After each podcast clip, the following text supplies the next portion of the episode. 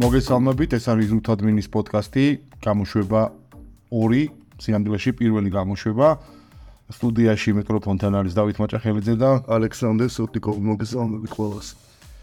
აა გავიდა არც ისე დიდი ხანი ჩვენი ნულოვანი ჩანაწერიდან, ჩვენი სატესტო საპილოტო ჩანაწერიდან და როგორც სტატისტიკა მაჩვენა, საკმაოდ ბევრი მსმენელი გყავს, რაც მიხარია, რაც мотиваციას მაძლევს, რომ უფრო მეტი გავაკეთო.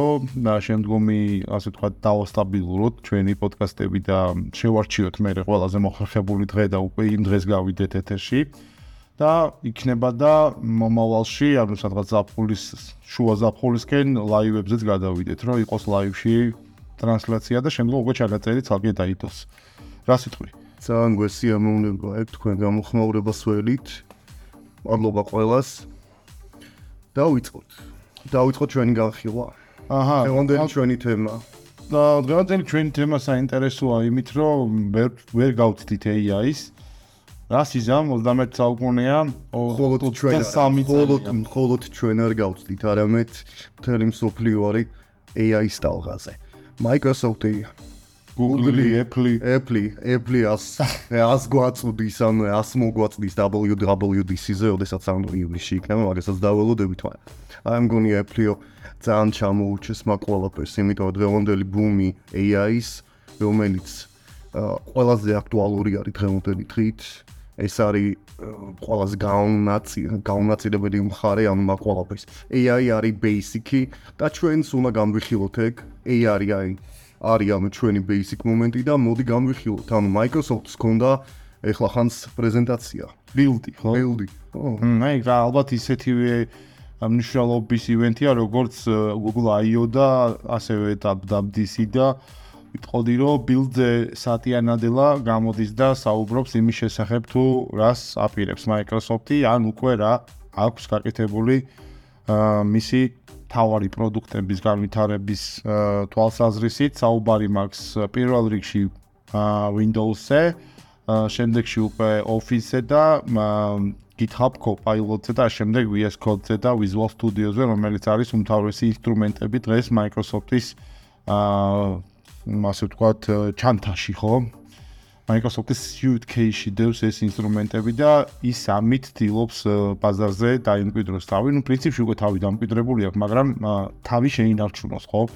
Microsoft საკმაოდ დიდი ინვესტიცია ქონდა გაკეთებული თვითონ ChatGPT-ში, OpenAI-ში და ახლობით 10 მილიარდ დოლარამდე აქვს გაკეთებული ინვესტიცია და პლუს Microsoft-ის სერვერებზე დღევანდელი დღით მუშაობს Azure-ზე, Azure-ზე თვითონ ChatGPT. კი, საუბარი არის იმაზე, რომ 10 მილიარდის თანხის სახით არ მოხდა ეს ინვესტიცია მოხდა რესურსების სახით, რომლითაც Microsoft-ი მოემსახურება ChatGPT-ს და ამ რესურსების ერთგვარი შეფასება არის ეს თანხაში გამოსახული და გამოხატული, ну სავარაუდოდ იქ იქნება თანხაზეც საუბარი, რომელიც თქვა დამატებით ვიდეო ბარათების და შემდეგ აპარატურის შეძენისთვის არის საჭირო, იმიტომ რომ ეს ჟურიც კი აღარ აღარ იყო მზად, არ იყო მზად იმისთვის, რომ ინდავტიკის დათვირთვა ეს კი კი ფას შორის დეკემბერში არა და იანვარში უკვე სერიოზულად ეთყობოდა ChatGPT-ს რო სერვერული რესურსები მოაყდა და აი დღის განმავლობაში რამოდენიმე საათი ღა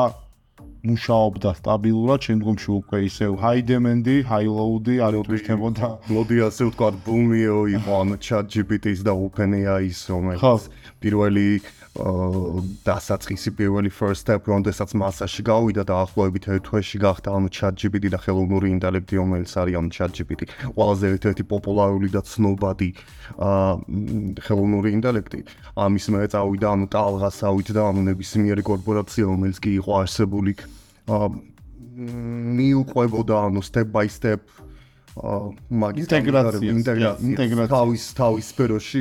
არის ანუ საკმაოდ დიდი და დიდი დღეისათვის ჩვენ ChatGPT-ს მომხმარებლებს გვაქვს საშუალება გამოვიყენოთ Pro ვერსია, სადაც ChatGPT გვთავაზობს პლაგინებს და ინტეგრაციებს სხვადასხვა სერვისებთან, როგორიც Zapier-ი, Gmail-ი და ასე შემდეგ უამრავ სერვისთან არის უკვე ინტეგრაცია და ChatGPT-ის საშუალებით ბევრმა კომპანიამ უკვე გაამდიდრე თავისი პროდუქტების ფუნქციონალური შესაძლებლობები, მაგრამ თავისი აქ მაინც Microsoft-ია, რაზეც დღეს უნდა ვისაუბროთ. Microsoft-ნა რითი გაამდიდრა თავისი პროდუქტები. მოდი დავიწყოთ Office-ით.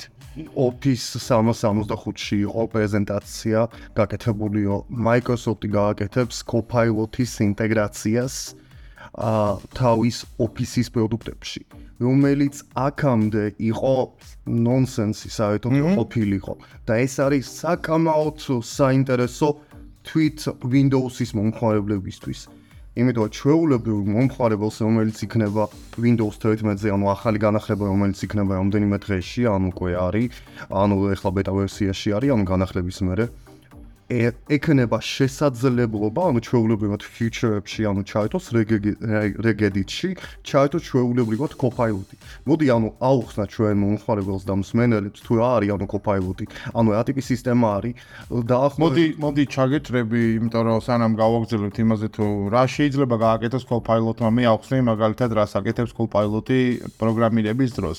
ის თქვათ Copilot X-ი, რომელიც GitHub-ში preview ვერსიაში არის ხოლმე სასწავლო და რომელზეც თომა ვიღე ამ დღეებში გავტესტე, ნუ პროგრამირებისას აა უყურებს კოდს, ანუ კონტექსტი მისთვის ცნობილია, რაზე ვმუშაობ, იმ ფაილების ფაილზე აქვს თომა, კითხულობს იქიდან კოდს და მეუნება რომ აი აქ რაღაცა ჩასასწორებელია და რო ვეკითხები რომ მინდა რაღაც ფუნქციონალის დამატება ან რაღაცის შეცვლა, ის მთავაზობს კოდს, მე შემიძლია ეს კოდი პირდაპირ ჩავაიმპორტო ну ჯერჯერობით ავტომატურად არ აახლებს კოდს, ანუ მე თვითონ მიწევს ხელით მონიშნო ადგილი, სადაც უნდა ჩავსვა ეს ახალი კოდი და ასე შემდეგ, მაგრამ აა საქმე იმაშია, რომ საქმეს ძალიან ამარტივებს და აადვილებს, მაგრამ ეს გასაგებია პროგრამირებისას. მაგალითად Office-ის შემთხვევაში Copilot-ი შეიძლება Copilot-მა შეიძლება ავტომატურად შექმნას პრეზენტაცია, დაგვეხმაროს დოკუმენტის მომზადებაში, შექმნის ცხრილებს. ზუსტად ის პრინციპით, ანუ პრომპტებით შეუძლია, ანუ დაწეროს, ანუ თქვენ გაქვთ მეილი, თქვენ გაქვთ გარკვეული ტიპის ტექსტი.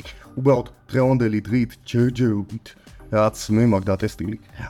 რუსულად, ქართულად ჯერჯერობით არ მუშაობს იმ რაღაც ყოფილა თან შეიძლება საერთოდ არ მუშაობს. აა სამწუხაროდ, მაგრამ ახლო მომავალში დაეწმუნებული ვარ, რომ Microsoft-ი გააკეთებს ყველაფერს იმისთვის, რომ იყოს ეს უფრო სრულყოფილი. ამ ეტაპისთვის ამერიკული ბაზისთვის საკამაოდ კარგად არის ორიენტირებული და დაამთავრებს თქვენს ნებისმიერ პრომპტს, ნებისმიერ ტექსტს, ან შეგისტოვებს თქვენს შეცდომებს, ან არა მაგრამ ან თუნდაც ტექსტის დასაწყისიდან როგორც ანუ ჩვეულებრივად visual code-ში, visual studio-ში, როდესაც წერ კოდს, მაგას როდესაც გაძლევს ანუ დაუნთავრებას და შეგილი ანუ შენ აერჩიო ან მაგის გაგრძელება, ზუსტად იგივე პრინციპით შეუულია Word-ში, Excel-ში, აჰა, PowerPoint-ში და მსგავს ტიპის Microsoft-ის პროდუქტში, რომელიც ანუ ეხება Microsoft Office 365-ში. ინცით რა მინდა, რას მინდა ხაზი გავსვა, რა ჩემთვის მაგალითად კრიტიკულად მნიშვნელოვანი არის არ არის საოფისე პროგრამები. მე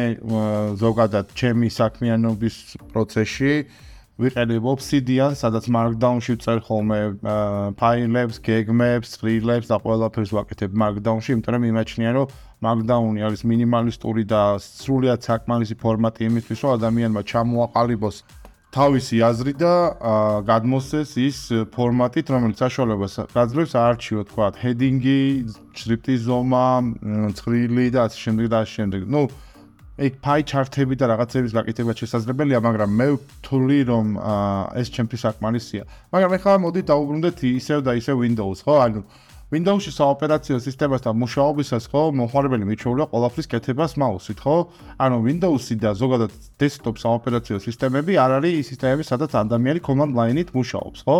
command line-ით მუშაობ ჩვენ Linux-ში და Linux-ში უფრო მაცალე, მაცალე, მაცალე, მაცალე. Linux-ში უფრო მნიშვნელოვანია ჩემთვის რომ მქონდეს prompt-ები, ვიდრე Windows-ში, ხო? Windows-ში რას ვეუბნები მე საოპერაციო სისტემას? იცი რა, აი დაუწერ prompts თუ Windows-ის start menu გაი smart start menu-ს მაგერად მე command prompt-ი გამეჩითება და არა მე თვაქლას რომ command prompt-ში დავგრუნდეთ ყველანი და მომხმარებელს მაგრამ მე არ ამგონია რომ მომხმარებელს prompt-ები ევასება რა. მაგალითად ანუ დღეისაც მე შემიძლია ვთქვა ერთი რაღაცა რაც მე მომხმარებელს წერა ეზარება რაც მე მაკლია ანუ აი პირობითად ანუ Copilot-ის მომხმარებელი ვარ და ChatGPT-ის მომხმარებელი ვარ მაგრამ ოდესაც ანუ CLI-ში 30 წელი 30 წელი მომხმარებელს ეცვა მოდი ანუ ხო აი თამეს ერთი ამას ვიტყვი. როდესაც ანუ მიჩვეული ხარ, ანუ ვიზუალ სტუდიოში, როდესაც გაგვაუ ტიპის კოდს და მე გადადიხარ ავტომატურად CLI-ში, ანუ იმდენად გაზარმაცებს, ანუ Copilot-ი. რომ ანუ მე ვთვლიო, ანუ ზოგიერთ მომენტში, ანუ რაღაც საკითხებს გააკეთებ უფრო სწრაფად. არა. Copilot-ის გარეშე ვიდე Copilot-ით, მაგრამ ჩვეულებრივი მომხმარებლისთვის მე დაეწმუნებული ვარ, რომ საკამაოდ ბევრ შესაძლებლობას მისცემს. ბევრ ფუნქციონალს, ეხლა პრომპტებით იქნება პრომპტების garaშე თუ ნებისმიერი რაღაცი აძლევს უფრო თავისუფალი და უფრო მეტი ინფორმაციის მიღების საშუალებას თუ ხადია მომხმარებელი არის დაინტერესებული. მოიცა, მოიცა კაც, მოიცა. ანუ მე მინახია მომხმარებლები, რომლებსაც ChatGPT არ მოწონთ, იმიტომ უნდა წერო, თან სპეციფიურად უნდა წერო, თან რაღაც ჰაკები უნდა მოიგამოიყენო იქ რომ რაღაცა ისეთი შედეგები მიიღო, რომელიც მას განასხვავებს სტანდარტული შედეგებისგან, ანუ უკვე ახალი პროფესიები დაიძრა მიმართულებით და მე რას ვიძახი, იცი 30 წლის განმავლობაში ადამიანებს გვაჩვენებდნენ მაუსის ქნევას, ხო? და ეხლა ისე კლავიატურაზე გვაბრუნებენ, ხო, აი ეს გულის ხო? თა როგორ გვაბრუნებენ? ვერ დააბრუნებ. ვერ დააბრუნებ. აი მოდი გეტყვი. ანუ მოდი გეტყვი, მე მე ვიცნობ ადამიანს ადამიანურად უნივერსალურად ყოველს ვერ დააბრუნებენ, მაგრამ იქნება გარკვეული ტიპის საქმიანობა ხალხის რომელიც აუყურე ChatGPT კარგია, AI კარგია, ყველაფერი ეს კარგია, მაგრამ ყველაფერი ამ კარგს. მოდი ასე, მოდი ასე ვთქვა და სატია ნადელამ Steve Jobs-ის შესახებ ისაუბრა პრეზენტაციაზე, სადაც თქვა, რომ Steve Jobs-ი არის გენიალური ადამიანი, მან თქვა გენიალური რაღაცები და შექმნა iPhone. ხო? და აა iPhone-ამდე არსებობდა touch interface-იც, პიქტოგრამებით, somehow interface-ით, multi-touch-იც არსებობდა. აუ ყველაფერი არსებობდა და ამ ყველაფერს ვერც ერთმა სხვა მეფლის გარდა და ჯობსის გარდა ვერ მოუძებნა სწორი ურთიერთშეხამება, ხო? არ შეიძლება რომ ChatGPT ჩავაშინოთ ყველაფერში, ხო? აა შეუძლებელია ChatGPT ჩავაშინოთ ყველაფერში მისი ადაპტირების გარეშე. ანუ მე არ ვამბობ რომ ChatGPT-ს ვერ შეძლებს რაღაცას. მაგრამ ადაპტირება ჭირდება და მოდი შევხედოთ დღევანდელ დღევანდელ Copilot შევხედოთ. Copilot-ი არის მართლა უნივერსალური საშუალება პროგრამისტისთვის. მაგრამ შეხედი, რომ დაიწყო ახალი პროექტი, ახალი კოდით, წერით, Copilot-ი უფრო ხელშეგიშლის ვიდე შენი ძველი კოდი. გაოგინდა რომ დაამუშაო და უფრო გააუმჯობესო, Copilot-ი მანდ უფრო მოგეხმარება. მაგაშია საქმე. ანალოგიურად ChatGPT, ანუ კი შეუძლია მაგას ნულიდან გააკეთოს, მაგრამ ანუ რამდენიმე AI გააკეთოს. ეს პარტალია ყველაფერი, ოღონდ იმ შემთხვევაში თუ შენ ხარ რაღაც არ ყოველწლიურად პროფესიონალი რაღაცაში, ხო? წინააღმდეგ შემთხვევაში ChatGPT კარგი არის დამწყებთათვის, ვისაც უნდა მაგალითად იდეალური პროგრამირება, ხო? ანუ იდეალური. ო, მაგრამ არა, არა, არა, ჯუნიორია middle-თან მიახლოვებული ის მონოტონური ფუნქციების გაკეთება რომელიც გინდა. ჩვენ ჩავატარეთ ექსპერიმენტი, ჩვენ ჩავატარეთ ექსპერიმენტი და დავსვით ბავშვი. სკოლის მოსწავლე, რომელსაც უთხარით ეს არის ChatGPT, დაჯექი და მოდი ChatGPT-ზე შექმენი პატარა ვებსაიტი, სადაც მომხმარებელს შეეცრება რაღაც გარკვეული პატარა ფუნქციონალის შესრულება, რა ნუ დააჯამებს რაღაცას, გამოთვლის სესხს, პროცენტს და ასე შემდეგ. დაჯდა ეს საიტი შექმნა და აი ანუ ეს საიტი შექმნა და მისი დიპლოიმენტი ატვირთვა ღურბოვან სერვერის გაშვება იქ დაყენება სოფტის GitHub-ში დაფაბლიშება და ასე შემდეგ ავტო CI/CD თელი pipeline-ი აწყო ამ ბავშვმა და ეს პროცესი, ამ პროცესის განმავლობაში ბევრი რამ ისწავლა, ხო? ამაზე მაქვს მე საუბარი, რომ ChatGPT ყველაფერში გამოსადეგია, უბრალოდ საოპერაციო სისტემაში რას გაგვიკეთებს. აი, Word-ში გასაგებია, Excel-ში გასაგებია, PowerPoint-ში, ან Windows-ში რას გამიკეთებს მაგალითად.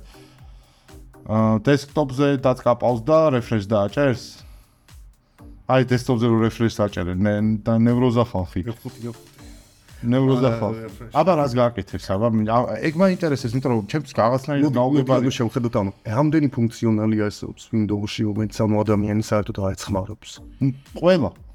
ну თირკ საერთოდ Windows ის მომხმარებელი. მაი კომპიუტერის გახსნადი დოკუმენტი შეცვლა და არა მე ვიცნობ ადამიანს რომლებიც ჯერ Word-ს ხსნიან და მე იქიდან ხსნიან ფაილს. და ანუ Explorer-თან არ სარგებლობენ. და საერთოდ არიციან რომ C-დისკი არსებობს. ცხოვრებაში არ უნახავს ტიპს. ანუ ეგეთ ადამიანისთვის ანუ რას გააკეთებს კოპა? ну кай, მე როგორც დეველოპერი დავждები და კოპაილოტს ვეთქვი რა, ეხლა დამიყენე Python-ი, დამიყენე ეს, დამიყენე ის, გამიკეთე ეს, გამიკეთე ის, გასაგებია. თან ეს ერთად მჭირდება, ხო? რო დამიყენებს ამაზე გამიკეთებს ყველაფერს, მე მეორეჯერ დაშვებით. და რა შევიყენებთ? ანუ ადამიანზე იქნება ეს დამოკიდებული. მაგრამ ანუ ზოგს არა, მაგერ ვარ მე მე ვარ ის ადამიანი რომ- რომელსაც თქვი რომ აი რაში გამოვიყენებდი. მაგრამ ნუ მოდი ასე ვთქვათ რა, development გარემოს გაშვება დღეს მ, რა ვიცი ნებისმიერ მოწყობილობაზე ნებისმიერ ხდება. ნებისმიერ შე. თითქმის ერთი კლიკით ხდება ხო? და ზოგადად code space გამოვიყენე, პირდაპირ Google-ში გავხსნი development გარემოს და ვამუშავებ. ნუ ახლა mobile development Google-ში ვერ გააკეთებ, მაგრამ ნუ არის მაგის საშუალება, რომ შენ Python-ზე development-ი Google-ში გააკეთო, Jupyter notebook გახსნა Google-ის Colab-ში და რასაც გინდა დაწერე. რაში მჭირდება? ამ ეტაპისთვის მასაზე გადიან. მაგის პოპულარიზირება ხდება ზუსტად. AI. მოდი ასე ვთქვათ, რა, ჩემი AI. აზრით იქნება შორტკატები რა. ხო გახსოვს Google-ის პრეზენტაცია AI AI AI როგორც ბაიდის პრეზენტაციის დროს ხდებოდა ზუსტად იგივე ტიპის ხაიპი. ზუსტად იგივე პრინციპით ხდება ახლა Microsoft-ში უბრალოდ Microsoft-ს აქვს ორიენტირი, იმიტომ რომ საკმაოდ ბევრი Microsoft-ის მომხმარებელი არსებობს დღევანდელი დღით. მოდი ამას არ უარყოთ. ანუ შენ და მე ვსარგებლობთ, ანუ შენ მაგის მომხმარებელი ხარ სერვერებზე Linux-ის ანალოგიურად მე შემიძლია ვთქვა, ანუ Linux-ი, Windows-ის Windows სერვერებს და ასე შემდეგ მეც მომსახურები, მაგრამ როგორც ასეთი desktop კომპიუტერზე, რისთვის არის საჭირო? ეგ თუ ჯერჯერობით ბუნდოვანია. ჯერჯერობით ბუნდოვანი გაურკვეველია. თორე პერსპექტივა რო აქვს და ჯერჯერობით მიზანი ბოლომდე რო არ არის მისული და ანუ ჯერჯერობით ანუ სოუყოფილი ა ა ხედვა რო არ არის ანუ გაფა ანუ ნანახი ა ა ჩემ- ამ პრეზენტაციიდან გამომდინარე ანუ მე მივხვდი Microsoft-ში ძალიან კარგად იციან რა აქვთ. მომავალ Microsoft- მოდგენილი მათ იციან. Microsoft-ს აქვს GitHub-ი. GitHub-ის დაახლოებით 100 მილიონი მომხმარებელი არის დღევანდელი დღით. 100 მილიონი მილიონი მომხმარებელი ნიშნავს რაღაცა და Microsoft-ი არც ცდილობს, ანუ ერთხელ თავის ძროზე Microsoft-მა დააკარგა ბევრი პოზიცია. დღევანდელი ჩემ ჩემი საქმით, ანუ დღევანდელი დღით Microsoft-ი ცდილობს დააბალანსოს და მაქსიმალურად დააბლოს. და ისევ და ისევ მანდარი ინვესტიცია. და მანდარი ისევ და ისევ ფინანსები. Microsoft-ი მიდის ფინანსების მხარეს და Windows 12-ში ჩააშენებს ბევრ ფუნქციას, რომელიც ვისაც დაჭირდება, ის ისარგებლებს გადაიხდის და ვის დაჭირდება, ის უკვე თვითონ გადაწყვეტს. მოდი ასე ვთქვათ, წინა 10 წლეულში, აა, თუ ბოლო 2 წლეულია, მოდი ასე პირდაპირ ვთქვათ, აღიაროთ, რომ აა იზრდებოდნენ ის კომპანიები, რომლებსაც ჰქონდათ თქმა მობილურ პლატფორმებზე და მობილური პლატფორმა იყო ზრდის გარანტორი. აა დღეს აა, მობილური პლატფორმა არსად არ წასულა პირიქით. მობილური პლატფორმა ეხლა შემოდის ახალი ძალით და ამასობაში ხდება ხელოვნური ინტელექტის ინტეგრაცია მობილურ პლატფორმებში. ჩემი აზრით, desktop პლატფორმა რჩება მხოლოდ და მხოლოდ იმ პროფესიონალების ხელში, რომლებიც არიან პროგრამისტები, content კრეატორები და ასე შემდეგ და ასე შემდეგ, რომ აა მოხმარებლების, ანუ mainstream მოხმარებლების უმრავლესობა არის ზის მობილურ პლატფორმებზე. ანუ მე უკვე ვიცნობ უამრავ კრეატორს, რომელსაც desktop კომპიუტერი თვალად არ უნახავს და მობილურ მობილური პლატფორმით iPhone-ის საშუალებით არის ინფლუენსერი და საკმაოდ კარგი შემოსავალიც აქვს. ამიტომ ეს ადამიანი ამ ადამიანებისთვის მობილურ პლატფორმებზე შეიქმნება ისეთი ინსტრუმენტები, რომ შენ დესკტოპზე Copilot-ი მაინც და მაინც არ დაგჭირდება რა. ანუ დესკტოპზე Cortana-ს ეპოქა დასრულდა დიდი ხნის წინ, რა თქმა უნდა, ის დაბადებისთანავე დასრულდა, მაგრამ ეს უკვე Microsoft აქვს ცდილობა, რომ Cortana აღარ არის და ჩაანაცვლოს ის რაღაც GPT ღილაკით Copilot ღილაკი. ანუ Cortana-ს სახელი გადაერქვა და გვაქვს ეს Copilot-ი და აი აი ამ სიტყვით აწი წაიღებენ Twins და ყველაფერში იქნება ჩაშენებული Copilot-ი რა. ანუ start menu Copilot-ი იქნება Notepad-ში ჩააშენებენ Copilot-ს დარწმუნებული ვარ და WordPad-ში ჩააშენებენ და იმაში კიდე ა, რომელი აპლიკაცია Paint, Paint-ში და კარტების აპლიკაციაში და Minesweeper-ში იქნება Copilot-ი თვითონ ითამაშა. შეიძლება-ში სხვათა შორის ჩააშენეს. ვიდეო ძალიან მაგარი პროგრამა რას ამბობ, მე იგრო არ მქონდეს 3D ფაილებს ვერ გავხსნიდი. დარწმუნებული ვარ, მე- კი არა რა. სერიოზული 3D არტისტები ხმარობენ რა. კაი რა, კაი.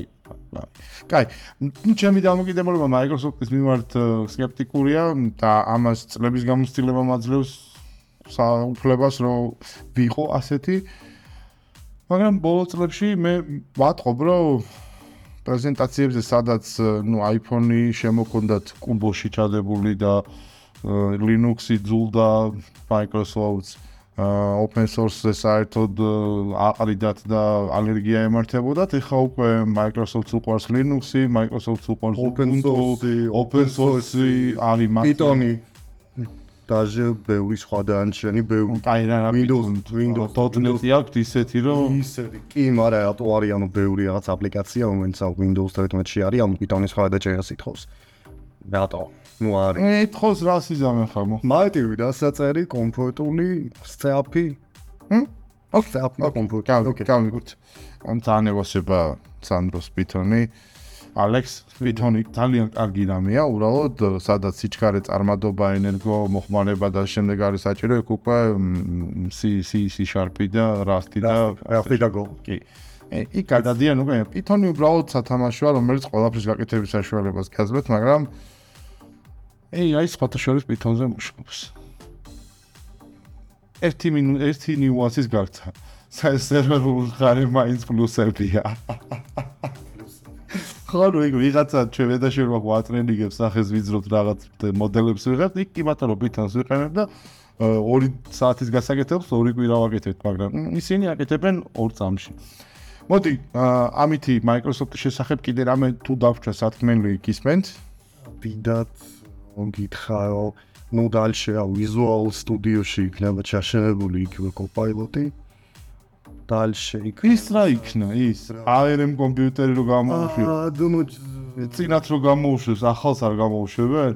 არა ამ ეტაპის თუ Windows-ი ARM-ზე ანუ დახალეს ამ ეტაპისთვის ამ ვისა და ისა ანუ ჭორი დონეზე არის მაგრამ თვითონ ისა ოფიციალური Microsoft-ი საუბრობს რომ აპირებენ რომ გამოუშვან ARM-ტიპის პროცესორი რომელიც არ უნდა ჩამოუჩებოდეს Apple-ს მაგრამ კაი. ჩემი ზაზრით ეს არის ოფიციალური ჭორი და Apple-ს არა Qualcomm-ს ჯერ Qualcomm-ს დაეციონ. მეტალ მეტალ.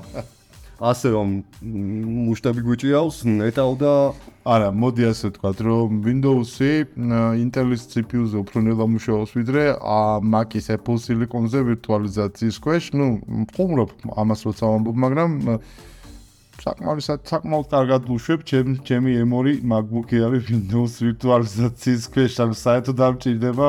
თ- ну, PC მჭირდება, მაგრამ იმისთვის არ მჭირდება, რომ თქვათ იქ Windows-ი გავუშვა. იქ დოკერებია, იქ რაღაცებია და მაგაზე ხარ გვინდა ლაპარაკი.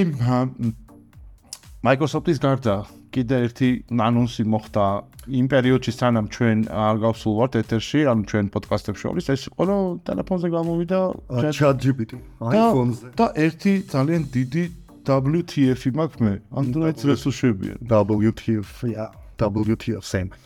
ამ ეტაპისთვის გამ რატო რატო ის იმას გამოვიშვებენ გამოვიშვებენ მაგასაც ანუ კლაბ ეტაპის კლაბ ჰაუსივით ჯერ იმაზე iPhone-ზე გამოვიშვებ და რაღაცა როგორც სტატისტიკა როგორც სტატისტიკურად ანუ ა ა მყიდველ შეთქი უნარიან საზოგადოებისთვის? მყიდველ უნარიანი საზოგადოებისთვის უშვებენ ჯერ როგორც ასეთი იმიტომ გამოვიდა რა შემოთქმე, ღამიბის? არაფერი არაფერი როგორ შემლიონები და ასეთი რაღაცა. უბრალოდ ანუ შეხედე საშუალო სტატისტიკური თვითონ სოფტები და Yandex და ნებისმიერი ამ ტაქსის აპლიკაციები ანუ არაერთი ექსპერიმენტი იყო ჩატარებული Android-ზე ოდესაც იძახებდა მე iPhone-ზე ანუ iPhone-ზე ყოველთვის უფრო მაღალი ფასი გასმენდით რა Android-ზე? ზუსტად ხო და ამ ეტაპისთვის გამოუშვა ოფიციალური ისა App Store-ში ChatGPT. Ფასი არის თვიური გადასახადი 9 დოლარი 99 ცენტი. ა ან წლიური მაინც შეგიძლია ამაცა დესკტოპი თუ მაქვს, მიქ მაინც ვიხდი დამატებით? არა პრინციპში არ ვიცი აი დამიდეს მ, არა, iPhone-ის მოხმარებელი ალბათ დავატოვე iPhone და iPhone-ის იმიტომ რომ გადახდები მაგ შემთხვევაში დასაშვებია, ხო. Apple-ის გავლით ხდებოდა კი შესაბამისად. ბატონო ხო იმიტომ ანუ იმის Apple გადახდა. Apple ოფიციალური ოფიციალური სტორიდან იღებს 30%. ანუ კიდევ 30% ერთი კიდევ ერთი ბენეფიტი Android-ს მოხმარებლებს. ან წლიური გადასახადი რომელიც არის არის 59 დოლარი და 99 ცენტი ან 3 ნორმალური, დოლარი ეს არის წლიური გადასახადი კი, კაია. რაც დღევანდელი დღით ანუ ოფიციალურ საიტზე დარეგისტრირდეთ აა არის ფასი 20 დოლარი თვეში ზუსტად იგივე ფუნქციონალი შეგიძლიათ მიიღოთ დაჟე voice არა, დესკტოპზე უკეთეს ფუნქციონალს იქ ვერ მიიღებ. ვოისი დესკტოპზეც მაგ მ, შეგიძლია მიიღო ალბათ, ну, თვითონ როგორც ამტკიცებენ თავის პრეზენტაციაში. ო და რაც თავარია სირის ვერ ჩაანაცვლებ ChatGPT-ით აა, გამორიცხულია, ну, თვითონ ანუ შეიძლება იცი ამ მომენტია. ანუ iOS iOS iOS კიდევ ერთი 17-ში, iOS 17 შეიძლება, ანუ შეიძლება დაემატოს ეს ფუნქციები, იმიტომ double ერთ შემთხვევაში მხოლოდ ერთ this-ზე რაც იქნება თუ ეფმა თავისი AI წარმოადგინა, მე Open AI-ს მაგალითად საქმე დარწმუნებული ვარ რა. დაველოდოთ. არა, ბიჭო, ტრილიონი ნახევარი რო გაქვს ფული თუ 2 ტრილიონი იქ შენი 10 მილიონი ინვესტიცია პროსტო სასაცილოა. მე იმედი მაქვს რომ Apple resell pass-ს გასცემს ამ ყველაფერს და დაწყნებულია. ანუ Apple ისეთ კომპანია არა, თუ ბევრი მოთამაშე არ შემოვიდა ამ ბაზარზე ჩაგვტება. Apple ისეთი კომპანია არის ყოველთვის წინასწარ მზადდება. ანუ AI-ის ბაზარი ჩაგვტება თუ არ იქნება სერიოზული კონკურენცია.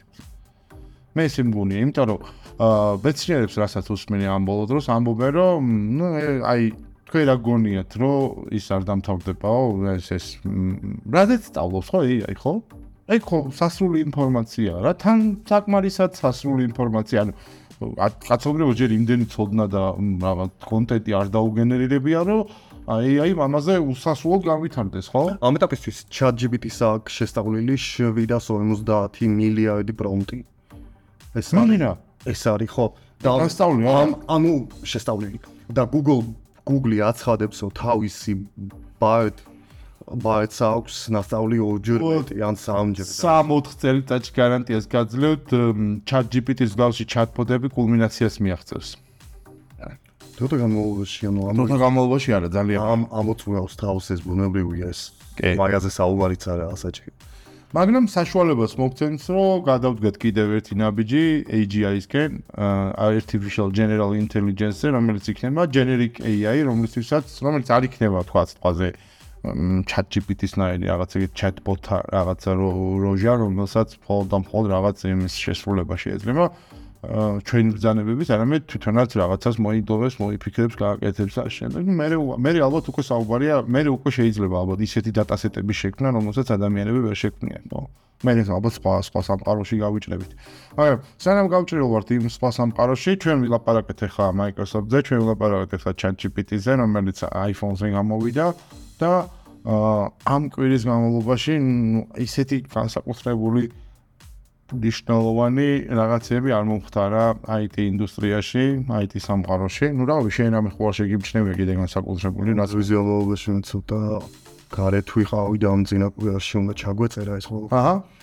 მაგრამ შემდეგ კვირისთვის უფრო ღრმად მოვიციოთ რაღაცები და გავაკეთოთ რაღაცები. არა, შეიძლება ხო არ მოგიძებნია. აა, არა, უბრალოდ თემები ჩამოწერილი მაქვს, მაგრამ რასაც უყურებ იდეაში, ამ თემებიდან გამომდინარე, რავი, ისი თქმა შემიძლია, რომ ჩვენი სპენელებს თავი არ შევაწყინოთ ბევრი საუბრით, ამაზე მინდა გავამახვილო ყურადღება, მაგრამ ერთ ჩამეს გეტყვით, ისევ და ისევ server admin-ში წარმოგიდგენ ჩვენს პოდკასტს, მოდი self promotion-ის გავუშვათ ცოტა, server admin-ზე ჩვენ გვაქვს ყოველდღიური, თითქმის ყოველდღიური პოდკასტები, სადაც პატარ-პატარა news-ებს მოისმენთ და წაიკითხავთ და ნახავთ. ყველა მოგვისმინეთ, გამოიწერეთ ჩვენი არხი, ჩვენი Facebook-ი.